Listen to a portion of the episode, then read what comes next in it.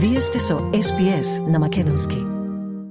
Предметите што ги отвори згаснатото специјално јавно обвинителство нема да пропаднат и постапките за нив продолжуваат пред домашните судови.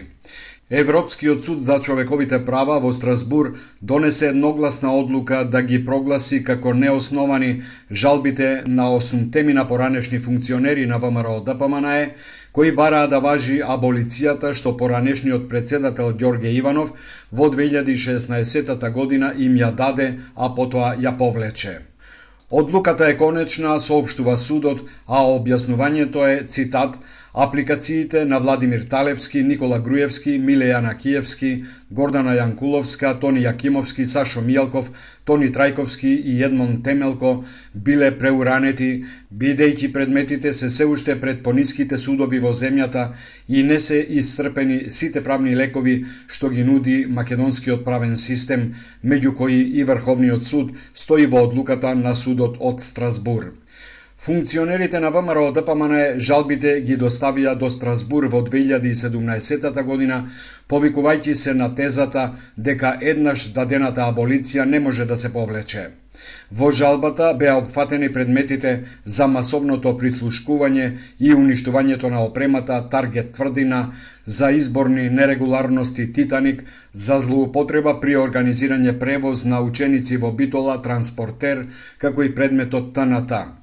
Државата како тужена страна сметаше дека помилувањата на Иванов беа дадени спротивно на домашното право и беа извор на правна несигурност и директен повод за големо незадоволство кај граѓаните.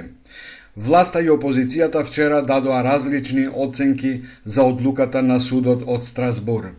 Според власта, правдата победи, според опозицијата, правдата еден ден ќе излезе на виделина. Председателот Стево Пендаровски прв ја поздрави одлуката на Страсбур за укинатата аболиција на неговиот предходник. Тој информира дека заедно со неговиот советнички тим се согласни дека сите обвинети и осудени лица правдата треба да ја бараат пред домашните институции. Премиерот Ковачевски пак на пресконференција рече дека ова е огромна победа за правдата и успех на државата. Со одлуката на судот, на, на судот во Страсбург, која во случајов е во корист на државата, жалбите на апликантите во целост се прогласени за недозволени, вклучително и во делот за наводните помилувања. Аргументите на владата во однос на недозволеноста на апликациите се целосно уважени од страна на судот во Страсбург. Особено е важно да се истакне дека спротивно на тврдењата на апликантите, судот не утврди прекршување на Европската конвенција за заштита на човековите права.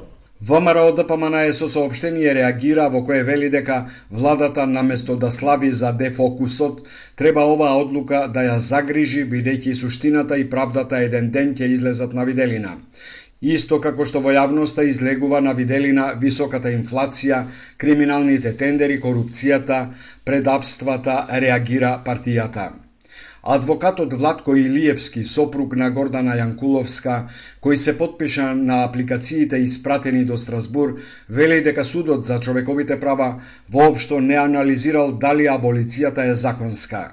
Според решението за тоа првин треба да одлучи Врховниот суд, вели Илиевски. Сметам дека нема простор за триумфализам ака е владата, затоа што апсолутно судот не не одлучува не одлучува дека овие аболиции не оправдано се поништени, туку ете, остава простор уште уште Врховниот суд да се произнесе.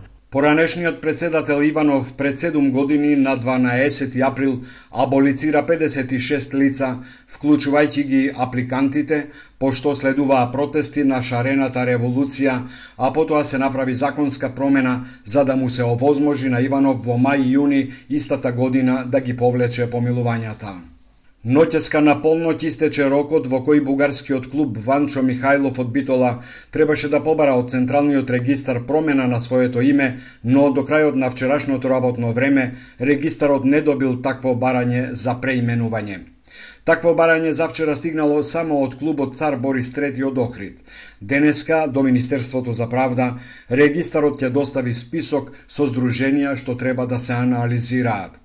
Став треба да испрати и Комисијата за употреба на имињата, а Министерството треба да подготви решение најдоцна за еден месец. Премиерот вели дека клубовите кои нема да ги сменат имињата ќе бидат избришани од регистарот. Има временски период за усогласување на имињата со со новиот закон. Оние кои што тоа го направиле ќе продолжат да работат согласно законите, оние кои што тоа не го направиле согласно законите нема да продолжат да работат. Поранешната советничка на поранешниот бугарски премиер Кирил Петков Весела Чернева смета дека бугарските клубови треба да се прекрстат и признава дека за влошените односи со Македонија вина има и Бугарија. Таа забаната изјави. Бугарските клубове, както всички останали клубове. Бугарските клубови, како и сите други клубови, ако ние сакаме тие да учествуваат во јавниот живот во која и да е соседна земја, треба да одговараат според локалните закони, како што и ние сакаме овде странските државјани да одговараат на локалните закони. Тука другите чужите субекти да одговарат на местото законодателство. Некои медиуми информираат дека владината комисија в понеделник ќе заседава, а на состанокот ќе се разгледуваат и предлозите за ново име на клубот Цар Борис III. За сега не е познато колку предлози се во игра, ниту кои се имињата. Денеска и утре во Софија се одржува 22-иот состанок на Мешовитата Македонско-Бугарска историска комисија. На последниот состанок комисијата заглави на прашањето за Охридската архиепископија и за начинот на кој таа е представена во учебниците за седмо оделение во Македонија. Бугарскиот председател Румен Радев во интервју за грчкиот вестник Катимерини продолжи со острата реторика кон Македонија и подсети дека без внесување на бугарите во уставот преговорите за влез на Македонија во ЕУ нема да почнат. Вчера продолжи собраниската дебата за реконструкција на владата во која влегува Алијансата на албанците, а излезе алтернативата и пратеникот и председател на Демократскиот сојуз Павле Трајанов. Пратениците на ВМРО ДПМН ја критикуваа реконструкцијата. Во собраниската дебата не изостанаа критики до Ковачевски и за, како што рекоа, лошата економска и политичка состојба. Игор Здравковски рече. Зарем не мислевте, почитуван премиер, дека вие требало смените и Крешник Бектеш? Зарем не мислевте дека требало смените и Јетон Шакири кој што ги остави учениците без учебници? Зарем мислите дека овака ќе влезете во Европска Унија преку некакви пазари и преку некакви договори? Колегите од Алијанса треба да бидат свесни дека прават пакт со ѓаволот. Мартин Костовски од СДСМ рече дека неговата партија реконструкцијата на владата ја гледа низ две призми. Од една страна реконструкцијата на владата СДСМ ја гледа низ две призми. Едната е стабилизација и изголемување на функционалноста на парламентарното мнозинство во интерес на државата и граѓаните. Втората е окрупнување на бројот на пратениците како јасен сигнал за освестување на вас и сите останати во, парти... во парламентот дека моментот на историска одлука се ближи. Пратениците веќе 4 дена расправаат по предлогот за разрешување на министерот за здравство Беким Сали. Потоа следи дебата за разрешување и на останатите кадри на алтернативата. Изборот на новите министри и заменици се очекува најрано кон крајот на идната недела. Сакате ли да чуете повеќе прилози како овој? Слушате подкаст преку Apple Podcasts, Google Podcasts, Spotify или од каде и да ги добивате вашите подкасти.